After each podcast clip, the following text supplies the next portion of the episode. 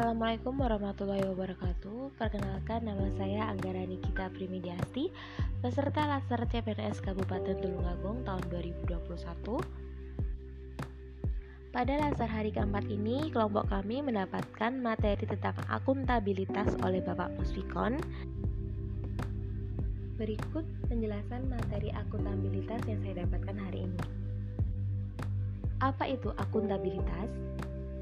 Akuntabilitas merujuk pada kewajiban setiap individu, kelompok, atau institusi untuk memenuhi tanggung jawab yang menjadi amanahnya. Amanah seorang PNS adalah menjamin terwujudnya nilai-nilai publik. Apa saja nilai-nilai publik tersebut? Antara lain adalah mampu mengambil pilihan yang tepat dan benar ketika terjadi konflik kepentingan, baik itu antar kepentingan publik dengan kepentingan sektor, kelompok, ataupun pribadi. Yang kedua, memiliki pemahaman dan kesadaran untuk menghindari dan mencegah keterlibatan PNS dalam dunia politik.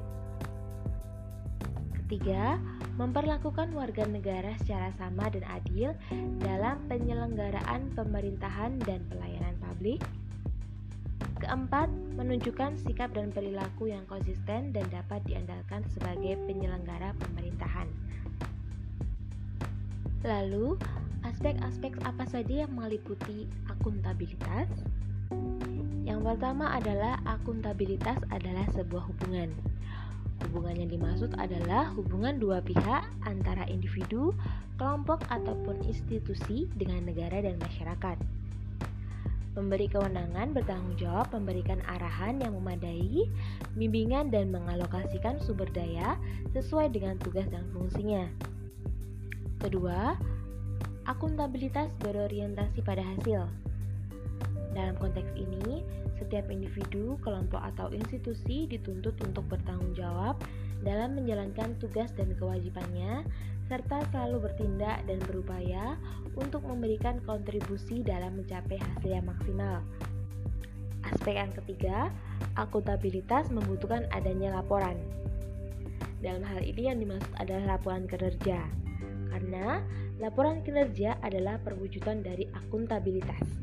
Dengan memberikan laporan kinerja berarti mampu menjelaskan terhadap tindakan dan hasil yang telah dicapai oleh individu, kelompok ataupun institusi, serta mampu memberikan bukti nyata dari hasil dan proses yang telah dilakukan.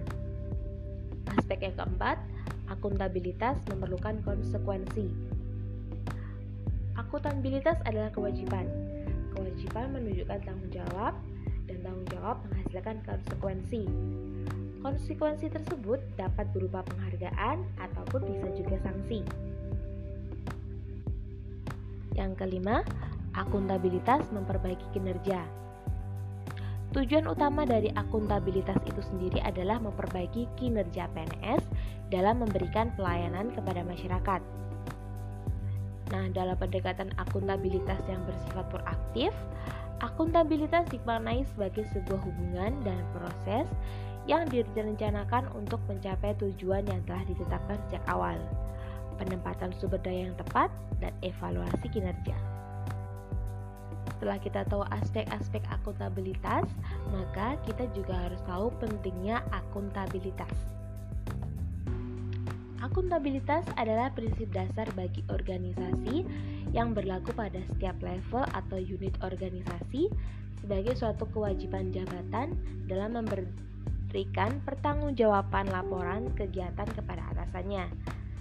Dalam beberapa hal, akuntabilitas sering diartikan berbeda-beda. Adanya norma yang bersifat informal tentang perilaku PNS yang menjadi kebiasaan itu dapat mempengaruhi perilaku anggota organisasi atau bahkan mempengaruhi aturan formal yang berlaku. Seperti misalnya keberadaan peraturan pemerintah nomor 53 tahun 2010 tentang akuntabilitas publik disiplin pegawai negeri sipil. Nah, di sini banyak pegawai negeri sipil yang belum sepenuhnya paham dan membaca mengenai peraturan tersebut. Oleh sebab itu, Pola pikir PNS yang bekerja lambat berdampak pada pemborosan sumber daya dan memberikan citra PNS berkinerja buruk. Dalam kondisi tersebut, PNS perlu merubah citranya menjadi pelayan masyarakat dengan mengenalkan nilai-nilai akuntabilitas untuk membentuk sikap dan perilaku PNS dengan mengedepankan kepentingan publik, imparsial, dan berintegritas. Demikian materi yang bisa saya sampaikan untuk hari ini. Assalamualaikum warahmatullahi wabarakatuh.